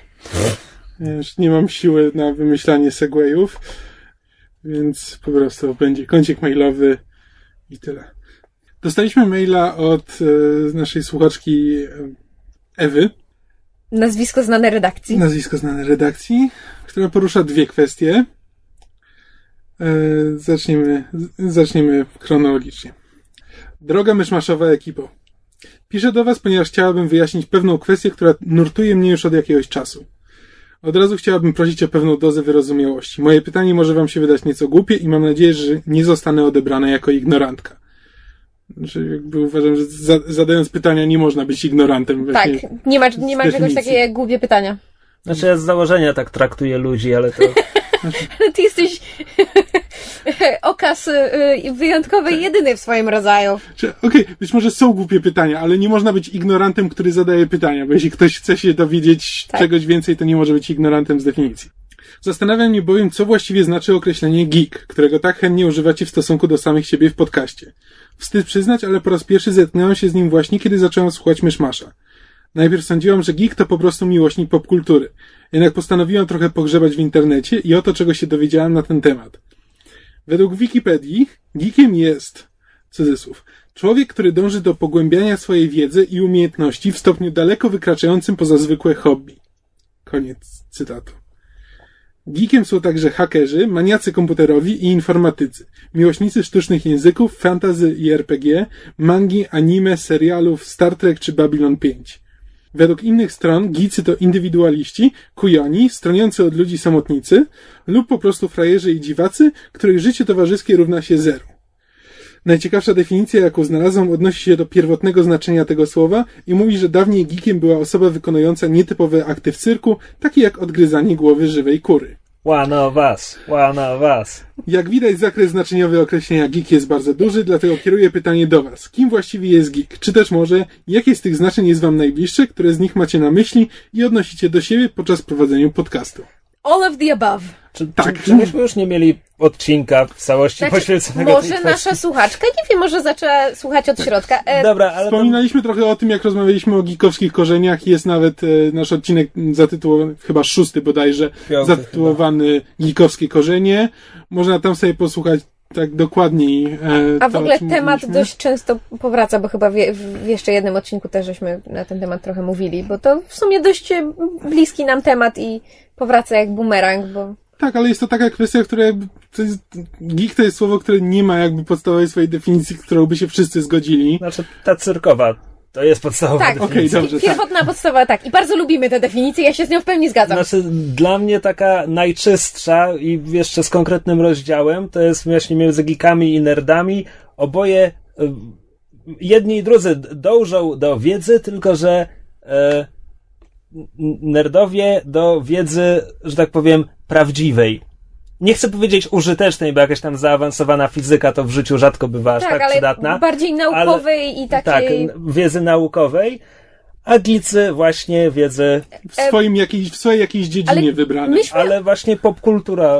Tak. Myśmy ustalili chyba, zresztą powstał na podstawie tego e, skrót myślowy i niejako dowcip nasz e, inside joke, że geek w największym skrócie to jest po prostu entuzjasta i myśmy się zaczęli nazywać entami, nie wiem czy pamiętacie. No No i- geek to jest po prostu entuzjasta. Jakby taka podstawowa, ten, podstawowa definicja geeka to jest, nie pamiętam, czy to był Will Wheaton, czy ktoś e, jeszcze inny, czy Simon Peck chyba, że jakby nie ma znaczenia co kochasz, ale to w jaki sposób to kochasz. Tak, nieważne, nieważne co kochasz, e, tylko, tylko ważne jest jak bardzo i zazwyczaj jest to bardzo, bardzo. No dobra, a ponieważ podobno nam się spieszy, to chyba już nie ma co tej kwestii dalej Tak, rozszerzać. więc polecamy odszukać ten, ten, ten jeden konkretny odcinek, bo, bo tam szerzej na ten temat mówimy, jest całkiem zażarta dyskusja. Tak jest. E, ale przechodzimy teraz do tego, co, czemu poświęcimy trochę więcej czasu prawdopodobnie. Jak nam wystarczy czasu. Tak, abstrahując od tematu geekostwa. Stwierdziłam ostatnio z przykrością, że nigdy nie mówicie w audycji o muzyce. Jako osoba, która bez muzyki nie może żyć i nieustannie wszędzie stara się wyszukiwać jakieś nowe muzyczne perełki, szalenie ciekawa jestem, jakiej muzyki słuchacie, jakich wykonawców zespoły, utwory moglibyście polecić. Z waszej strony to już chyba wszystko. Mam nadzieję, że doczekam się waszej odpowiedzi w podcaście. A więc tak, doczekasz się. E, e, to może zacznijmy od tego, że jest bardzo konkretny powód, dla którego nie rozmawiamy w podcaście o muzyce. Takim znowu możemy odesłać do, bo mówiliśmy o tym już na początku istnienia podcastu, ale zakładam, że nie każdy musi skojarzyć nasze początki. Tak, i mówimy też o tym wielokrotnie, bo nie pierwszy raz spotykamy się z pytaniem, dlaczego w ogóle nie mówimy o muzyce i czy ewentualnie moglibyśmy coś o muzyce powiedzieć. Tak, to nie jest to, że muzyka nas nie interesuje i że nie słuchamy muzyki. Ja się tutaj z naszą słuchaczką e, bardzo utożsamiam, ponieważ ja też bez muzyki nie jestem w stanie żyć i jeżeli jest, coś, co robię częściej niż tak naprawdę, niż, niż oglądanie filmów, seriali lub czytanie książek, to jest to słuchanie muzyki, bo ja e, właściwie w każdym momencie, kiedy z kimś nie rozmawiam, to słucham muzyki. Mhm. Znaczy, ja nie mam tak emocjonalnego podejścia do muzyki, ale też mam jakby z, interesuję się tak ogólnie i często tam szukam sobie jakichś nowych zespołów co jakiś czas, ale nie jest to, nie jest to ważna część mojego życia. A ja muzyki słucham rzadko, na zasadzie aktywnego słuchania, że puszczam sobie i słucham. Muzykę lubię, lubię słuchać oczywiście, ale to jest prawie zawsze dla mnie tło. Tak, dla mnie jakby też. Znaczy, to, że na przykład ja bardzo dużo muzyki słucham, niekoniecznie właśnie oznacza, tak jak Krzysiek mówi, że słucham jej zawsze aktywnie. Czasami to jest tak, że po prostu puszczam sobie bardzo dobrze znaną mi płytę w tle i ona sobie leci. To jest tak jak, prawda, hałas z telewizora na przykład. Tak, ale podstawowym powodem, dla którego nie mówimy o muzyce, Jest, Jest- to, że chłopcy twierdzą, że nie umieją rozmawiać o muzyce. Tak, że ja- nie mają do tego odpowiedniego, nie wiem, słownictwa, wiedzy, podstaw, tak, ja Narzędzi poznawczych. narzędzi. Tak, Tak, no ja mogę powiedzieć, że posłuchałem tam, nie wiem, miesiąc temu sobie przesłuchałem album takiego i takiego zespołu i mi się podobał. I to jest koniec. Tak, i to jest zasadniczo tyle, co ja mogę powiedzieć. Po prostu nie jestem w stanie, nie mam zupełnie żadnej wiedzy muzycznej, nie potrafię o tym mówić. No dobra, ale skoro już zostało nam zadane pytanie wprost, to jakiś taki krótki przegląd naszych upodobań chyba możemy zrobić. Ty zaczynasz. Ojej. Ja rozumiem, że chcesz być na końcu? Czy zostawisz to mnie? Nie no, nie no. Możesz zacząć, jeśli chcesz. Nie no, ja jestem ta, która niby się zna, więc może ja się wypowiem na końcu. Dobrze. To jak w takim razie to powinniśmy może w kolejności właśnie od tego, kto się najmniej zna, znaczy przynajmniej Krzysztofie? deklarowanej, z- przy- od, ne, od najniższej deklarowanej znajomości muzyki. No dobra. Ja lubię muzykę ilustracyjną, filmową, soundtracki z gier, ale bardzo konkretnych. E, konkretni wykonawcy i to też często łapie się na tym, że muzyka, która w grze mi się strasznie podobała, słuchana sama z siebie, jakby spływa po mnie jak woda po kaczce. Tak miałem na przykład e, z muzyką z z Assassin's Creedów, która w grze, kiedy biegasz, skaczesz po tych dachach Florencji jest super, słuchana bez tego jakoś zupełnie nie robi na mnie żadnego wrażenia. Mm. Lubię jazz, ale na zasadzie lubię słuchać jazzu. Mam kilku wykonawców, których kojarzę i lubię, a tak poza tym to jest po prostu u, u, to jest jazz, tam grają jazz. To posłucham. To fajne jest, nie? Ale to jaki masz tych wykonawców? E, Avishai Cohen to jest izraelski kontrabasista, którego widziałem, kiedy koncertował w Warszawie w ramach e, cyklu koncertów Jazz na Starówce. To są jedyne koncerty, na jakie uczęszczam. E, i on jest super, a poza tym to tak trochę, trochę klasyków, trochę Milesa Davisa, ale nie powiem nic więcej, bo naprawdę się nie znam. E, z kompozytorów e, growych Michael Land jest moim ulubieńcem. On nie zrobił dużo, ale on zrobił muzykę do Monkey Island, która jest mm, fantastyczna. Okay, to jest rzeczywiście. Której ja mogę słuchać na okrągło. Tak jak ja nie mam wielu płyt, których mogę słuchać na okrągło, bo ja, jak, jak czegoś słucham, jak e, spodoba mi się jakiś zespół, najczęściej jest tak, że mam na to fazę przez miesiąc, dwa, że tego słucham, mm-hmm. wtedy na okrągło, a potem, wiesz, jak dwa lata później do tego wracam, to jest na zasadzie w sumie fajne, ale nie rozumiem, czemu tak tego... I w ten sposób miałem Miałem kiedyś fazę na Red Hot Chili Peppers, ale w sumie tylko na Californication, jeszcze jeden album, którego nazwy już nawet nie pamiętam. Parę lat temu miałem fazę na Kaiser Chiefs, którzy są w porządku, ale jakoś jak teraz ich słucham, to już nie do końca rozumiem, czemu aż tak mi się podobali. Co poza tym? A, no i oczywiście y, słucham muzyki, której słuchałem w dzieciństwie, bo była grana w domu, y, więc słucham y, Grechuty, bo lubię, bo moi rodzice lubili, Starego Dobrego Małżeństwa, bo moi rodzice lubili, Republiki Czechowskiego ogólnie, bo mój starszy brat lubił. To w zasadzie z polskiej wykonania. Właśnie, jak słucham muzyki po polsku, to bardzo ważny jest dla mnie tekst. Dlatego właśnie poezja śpiewana Ciechowski, który był, był świetnym tekściarzem, mm dużo lepszym niż wokalistą, szczerze mówiąc. E, to właśnie to mi się podoba. Mm, czy nie wiem, Steczkowska, której Ciechowski pisał teksty. E, to jest fajne, to lubię. Jak słucham po angielsku, tekst nie ma dla mnie prawie żadnego znaczenia. Również dlatego, że śpiewany angielski jest dla mnie trudny do zrozumienia. Ha, hmm. ciekawe. Ja często nie do końca wiem o, o co chodzi. E, z rzeczy egzotycznych to lubię taką Sading Ding, nie wiem jak nazwać muzykę, którą ona gra, ja ją nazywam chińską Bjork, bo mi się tak trochę kojarzy eksperymentalnie. Można spróbować, jest tego dużo na YouTubie. No i tak naprawdę lubię muzykę, z którą mam jakiś emocjonalny związek na zasadzie, że mi się kojarzy z jakimś miejscem, jakimś wspomnieniem. Mhm. Mm. Co albo wychodzi naturalnie samo z siebie, bo na przykład e, jeden album Beatlesów, bodajże Magical Mystery Tour. Nie, czekaj. Tak czy nie, tak czy nie. Album Beatlesów, na których jest e, Octopus Garden i nie pamiętam. W każdym razie to plus soundtrack z Juno to były dwie płyty, które mnie podtrzymywały na duchu podczas mojego absolutnie najgorszego miesiąca w Chinach, na jakiejś dalekiej mroźnej północy, kiedy o. wylano mnie z pracy, nie miałem żadnych przyjaciół w mieście, w którym wtedy byłem i ogólnie było źle. Więc one mi się zawsze będą bardzo pozytywnie kojarzyć. E, soundtrack z ostatniego tanga w Paryżu, który jest super. To jest fantastyczna, jazzująca muzyka. Słuchałem tego nie znając filmu. Potem obejrzałem film i odkryłem, że w filmie tej muzyki w ogóle nie słychać. Byłem mocno zaskoczony. Ale tak, to tego, tego słuchałem, jak była fajna jesień, jesień na południu Chin, kiedy siedziałem. To też mi się bardzo miło kojarzy. A kiedy się zorientowałem, że mi się tak zaczynają kojarzyć rzeczy, to zacząłem e, sztucznie tworzyć takie e, powiązania. Więc na przykład jest e, japońska kompozytorka Yoko Kanno, która napisała muzykę do 150 różnych anime i na pewno jeśli ktoś oglądał jakikolwiek anime, to ją kojarzy.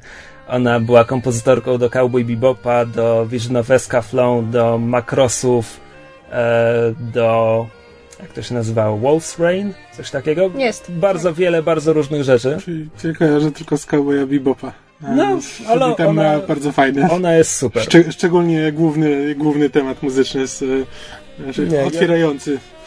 Yoko, Yoko Kanno jest super i ten. I ma taką piosenkę Strangers, to jest właśnie ze ścieżki do Wolf's Rain, która jest bardzo fajna, bardzo klimatyczna i kojarzyła mi się z jakiegoś powodu z Hongkongiem ale nie słuchałem jej, kiedy tam byłem. Więc kiedy byłem tam następnym razem, to jej specjalnie posłuchałem, żeby zaczęła mi się kojarzyć. Na tej samej zasadzie, jak już dotarłem kiedyś do Nowego Jorku, to sobie tam puściłem bardzo mało wymyślnie Empire State of e, Mind. Tak, tak, żeby mieć skojarzenie. Oraz Eleanor Put Your Boots on Franz Ferdinand, bo to jest bardzo ładna piosenka też o Nowym Jorku. No, tak, a jedno z moich takich najsilniejszych skojarzeń, i to jest po prostu kosmos kompletny, to jest soundtrack z Ghost in the Shell, dlatego że nasz mistrz gry puszczał go na sesji Vampira. Tak, tak. I on mi się kojarzy z jakimiś niesamowitymi wizjami właśnie z przygód z Vampira. Już kompletnie filmu nie widziałem od 10 lat co najmniej, ale ta ścieżka, jak tylko zaczynam jej słuchać, to przypomina mi się, siedzimy w ciemnym pomieszczeniu i nie wiem, chyba musiałem dokonać eutanazji na jakimś NPC-u. Nie pamiętam co to było, ale po prostu będę pamiętał do końca życia dziwne emocje. Tak. Ja chyba skończyłem. Jak na to, że nie mówisz o muzyce, to miałeś dużo do powiedzenia. Tak, na zasadzie to lubię, to fajne, to jest jazz. No dlaczego, wiesz, właśnie jak historia a propos nawiązań do, do przeszłości czy do wspomnień, ja bardzo lubię takie opowieści. No tak, tylko to są jednorazowe, jakbyśmy mieli co tydzień o tym opowiadać. Tak, to, to jeszcze wspomnę, że z kompozytorów filmowych bardzo lubię Johna Williamsa już nie muszę się nigdy więcej odzywać na temat muzyki. No to tak, ja z- zaczynałem od tego, że w, w głębokiej podstawówce nie słuchałem muzyki, więc słuchałem tego, co leciało na dyskotekach szkolnych, czyli jakiś tam Fun Factory i Backstreet Boysów i tego typu ambitną muzykę. Chyba wszyscy E. przeszliśmy przez ten etap. Nie? E, No bo ty jesteś dziwny. Tak?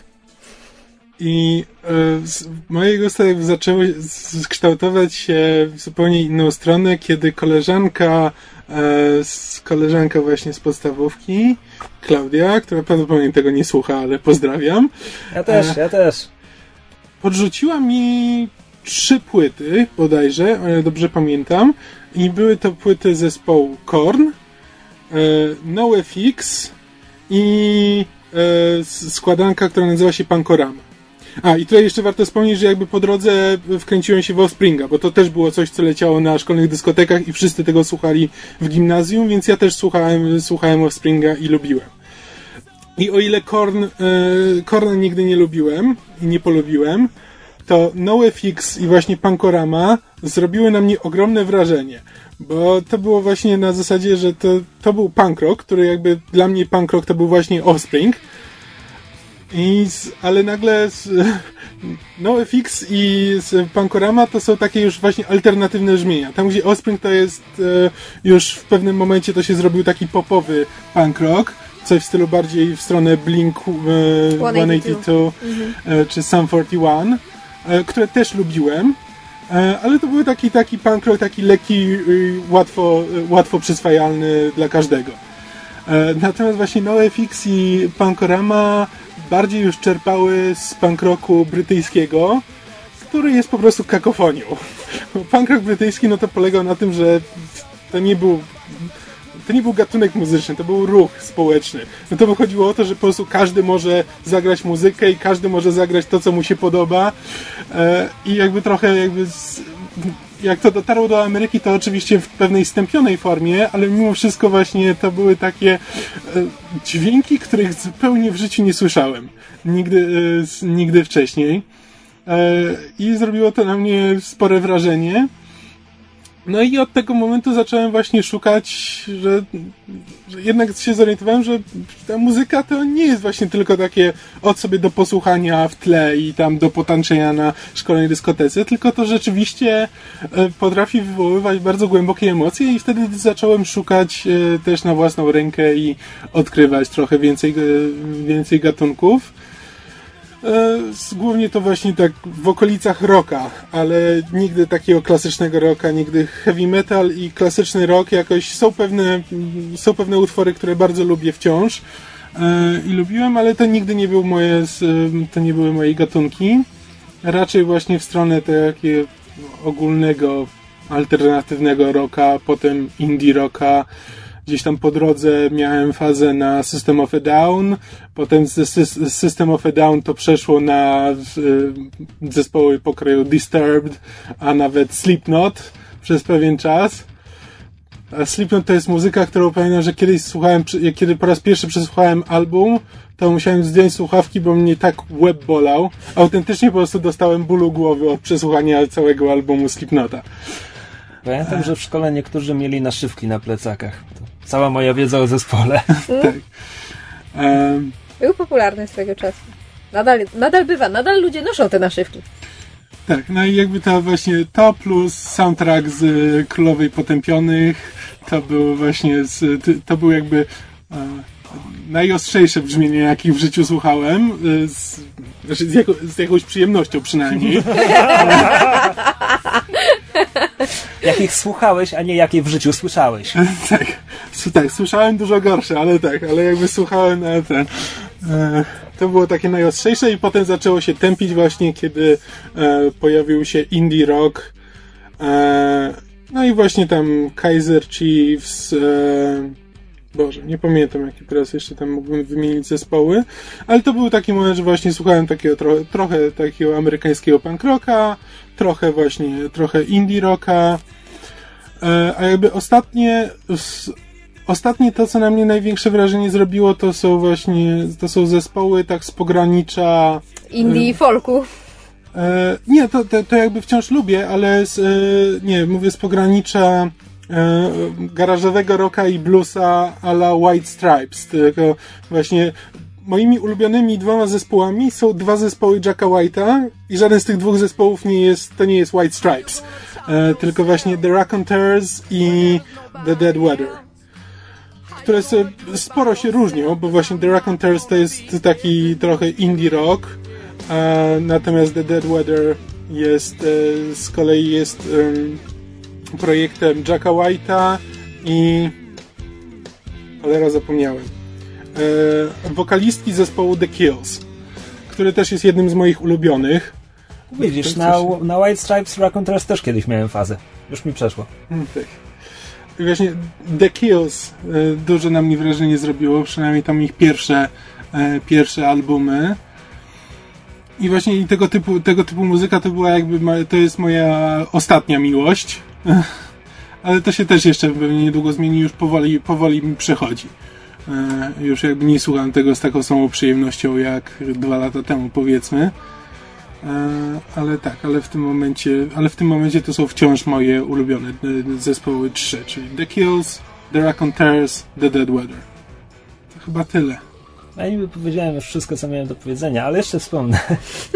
Nie, to ja zasadzie... widzę, jak ten odcinek będzie się nie, nie, bo po prostu, bo tak sobie przypominam, co powiedziałem i to wyszło tak, jakbym słuchał tylko tego, co powiedziałem. Jakby słucham też innych rzeczy, mhm. tylko że albo to są jakieś jednostkowe przypadki, że mi się dany utwór spodoba, e, wiesz, że nie wiem, przesłuchałem soundtrack i z całego soundtracka podoba mi się jed, jeden utwór, albo w ogóle chodzi o jakieś, wiesz, kilka taktów. E, w soundtrackach z w zasadzie całego cyklu o Riddiku jest główny utwór, jest super. Mhm, e, tak. Motyw przewodni całej serii. I to, to, jest wszystko, co mi się w tych ścieżkach dźwiękowych podoba. Przesłuchałem wszystkie. Wszystkie dwie Riddicka jeszcze nie słuchałem. E, czy nie wiem, był taki western Tombstone, który też miał fantastyczny motyw przewodni. Nawet go nie zanucę. Pamiętam, że mi się strasznie podobał. I tak na zasadzie, że słucham jazzu, ale się na nim nie znam. E, lubię irlandzki folk, ale się na nim kompletnie nie znam. A mój ulubiony zespół e, grający irlandzki folk, czy taj jedyny, którego nazwę znam, to jest wyjątkowo irlandzki Beltane. No tak. To jest polski zespół. Tak, dlatego mówię, że jest wyjątkowo irlandzki. E, znaczy, e, właśnie a propos soundtracków, to ja nigdy nie byłem w stanie praktycznie słuchać e, soundtracków filmowych. Znaczy są pewne utwory, które mi się z nich podobają, ale rzadko kiedy się zdarza, żebym był w stanie przesłuchać po prostu cały soundtrack z jakiegoś filmu. Natomiast z gier się zdarzały są dwa soundtracki, których mogę słuchać właśnie w kółko. Jeden to jest właśnie soundtrack z e, The Curse of Monkey Island. E, natomiast drugi to jest soundtrack z gry Bastion, który też jest dziwny. Twórca tej muzyki nazywa ten gatunek e, Frontier Trip Hop co dla mnie nic nie znaczy, nie mam pojęcia, co znaczą te słowa. Trip hop to jest to, co Morchiba y, gra, e, Circle About. Tak, na, na Morchiba jeszcze, też kiedyś miałem fazę. Morchiba i chyba jeszcze e, zakładam, Massive Attack. Zakładam, że jeśli to gatunek, to nie gra go tylko jeden zespół. Wydaje mi się, że właśnie Massive Attack i ten e, Teardrop to był właśnie trip hop. Ale tak, e... Bastion mnie znudził po pół godzinie, ale soundtrack jest świetny. Tam jest piękna, piękna piosenka, nazywa się Zyjas Film. Nie wiem, kto to jest Zia, ale piosenkę ma świetną. Tak, tak. Nie, polecam grę i polecam soundtrack w, szczerze. Dobrze, to ja się postaram sprężyć. E, ja miałam mniej więcej podobną edukację muzyczną jak Kamil, to znaczy na początku były szkolne potańcówki Backstreet Boys, Britney Spears, 18s, składanka Dziewczyna 7, pierwsza kaseta, którą sobie kupiłam za własne ciężko zarobione pieniądze. Przecież ty jesteś z muzycznej rodziny. Jak to mogła być twoja edukacja muzyczna? Ja mówię o muzyce popularnej, a nie o muzyce klasycznej, którą, słuch- której słuchałam od kołyski. No come on. A propos pierwszej kasety. Pierwsza kaseta, jaką chyba w życiu kupiłem tak sam z siebie. Kelly's Family. Nie, to była. E, to była kaseta. Mike Nie, ona mogła nie być pierwsza, ale w, e, jedną z pierwszych było e, Saxon Dance, która była densową wersją e, z e, albumu Saxon Sex, e, nagraną przez Andrzeja Piaseckiego i mm, jakiegoś. O Jezu, e, wie, wiem o kogo ci chodzi, nie, nie przypomnę sobie jak on się nazywa. e, w każdym razie na ty. Jezus, zapomniałem jak się instrument nazywa. Saksofon? Saksofonista. Dziękuję. To była bardzo, bardzo dobra płyta to była. To, E, Tak, właśnie Saxon Sex była bardzo dobrą płytą, tylko że byłem na tyle mały, że wstydziłem się pójść do sklepu i poprosić o kasetę Saxon Sex, więc poprosiłem o Saxon Dance. O!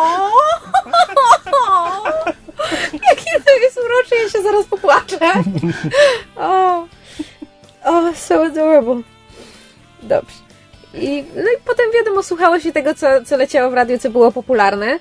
E, a potem e, odkryłam internet i odkryłam stronę Yahoo Music. I Yahoo Music było bardzo fajne, dlatego że e, można było e, chodzić po stronach różnych wykonawców, e, e, tam albumach, piosenkach i oceniać swoje ulubione.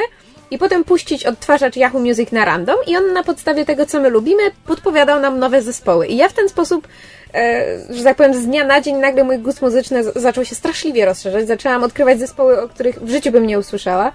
Jednym z pierwszych takich moich odkryć, które okazały się dość ważne, bo, bo zespół towarzyszy mi do dziś i jest jednym z takich moich e, wielkich miłości, to jest zespół 30 Seconds to Mars. Miłość się wzięła od niesamowitego teledysku, który, e, który e, właśnie na, na Yahoo Music obejrzałam. A to jest o tyle ciekawy zespół, że jego wokalistą jest aktor Jared Leto i tam perkusistą jest jego brat Shannon. I to jest e, bardzo specyficzny gatunek muzyki, ja to nazywam rock opera. Znaczy przynajmniej ostatnie albumy są takie bardziej rock operowe. E, Ale warto, warto dać szansę. Jared Leto to jest jeden z niewielu przypadków, gdzie rzeczywiście dobry aktor jest chyba jeszcze lepszym piosenkarzem.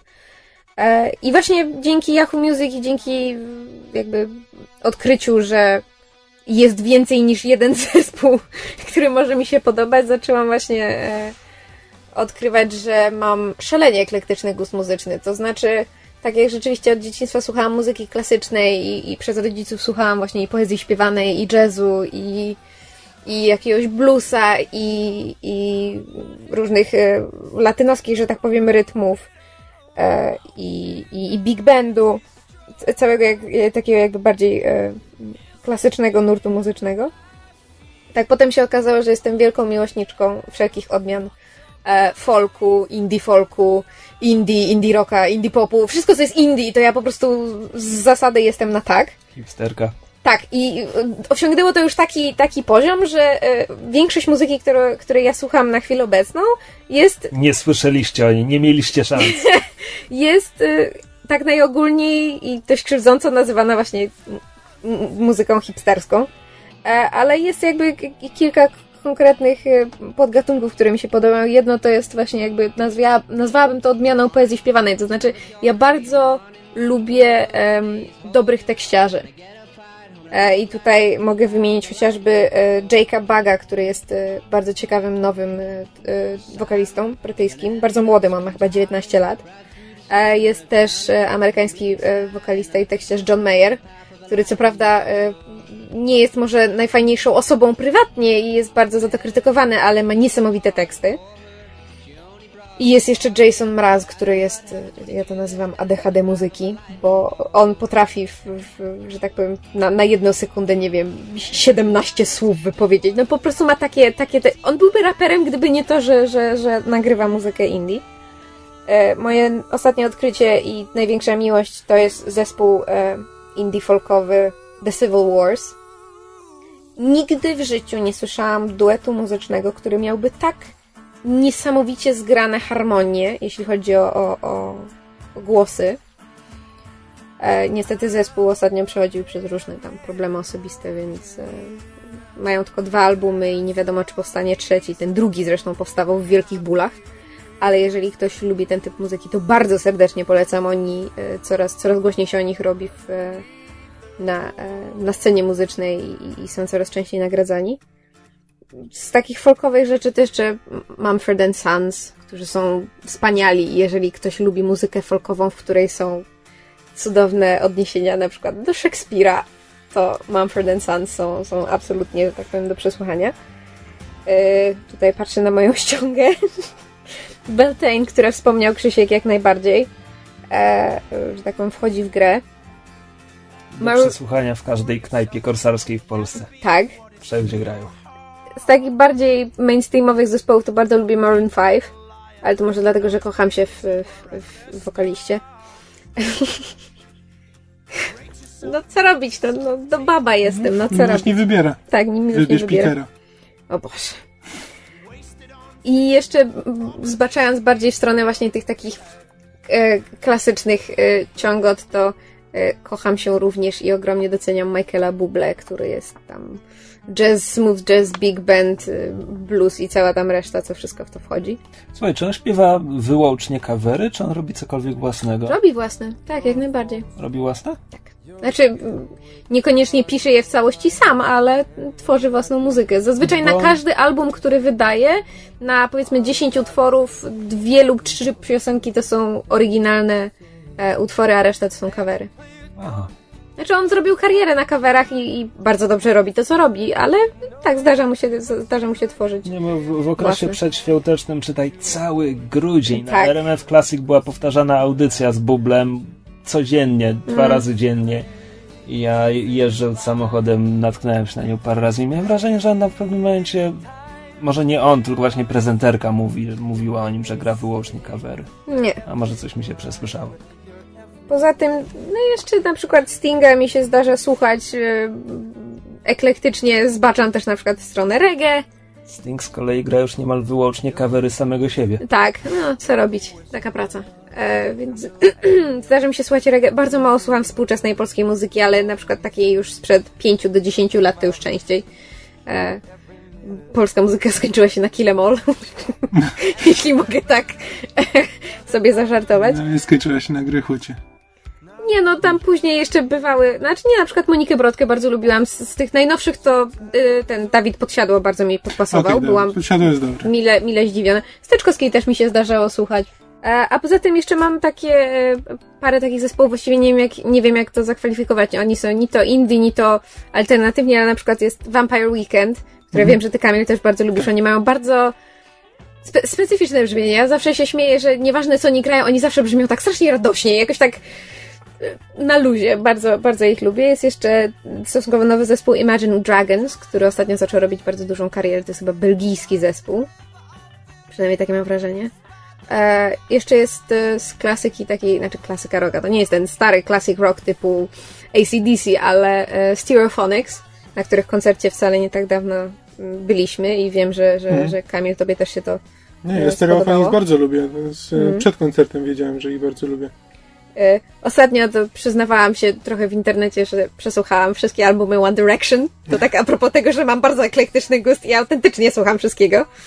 E, A tak, tak naprawdę e, tutaj trochę skłaniam się w stronę tego, co Krzysiek powiedział, to znaczy to, czego ja słucham najczęściej i w kółko, i od lat, i bez przerwy, to są soundtracki z filmów. I, i mam rzeczywiście takie soundtracki, które ja przede wszystkim ja bardzo dużo piszę do muzyki.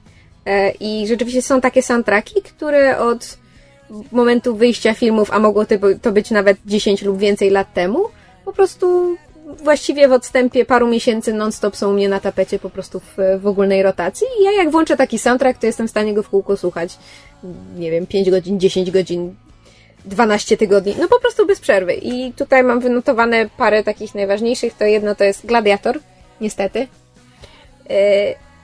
Opowieści z Narni, A Single Man, e, e, Abla Korzeniowskiego i to jest chyba jeden z najlepszych soundtracków, jakie w życiu słyszałam. E, ścieżka do Władcy Pierścieni, bo tak. Memoirs of a Geisha, John E, Williams. tak. E, przy- Jeden z niewielu filmów, gdzie nie do końca brzmi jak John Williams. Prawda? E, Jest przyczajony to tygrys, oraz smok e. Wojna Światów. On w Wojnie Światów nie nawet- brzmiał jak on sam. Nie wiem, bo nie widziałam Wojny Światów raz.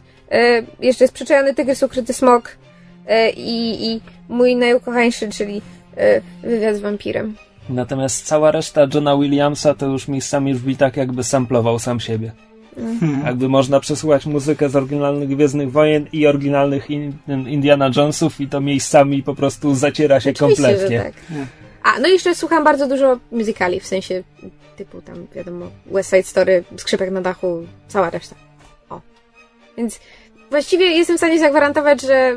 Znaczy ja wiem, że teraz jest tendencja do wymyślania najdziwniejszych gatunków muzycznych, jakichś właśnie tam trip-hopów, nie wiem, drewniano-chłoporopów, nie wiem, e, każdy możliwy gatunek i jestem w stanie zagwarantować, że ja w każdym gatunku znajdę przynajmniej jeden utwór, który mi się spodoba, bo jakby gatunek nie jest dla mnie istotny, istotne jest to, czy, czy właśnie na przykład, czy jest fajny tekst, albo ma dobry beat, albo fajne basy, albo nie wiem, instrument jeden mi się spodoba. I, jakby nie ma czegoś takiego, że, że tak jak w wypadku filmów mam na przykład gatunki, których zasady nie lubię, jak na przykład science fiction, albo westerny, albo filmy polityczne. W muzyce nie ma czegoś takiego.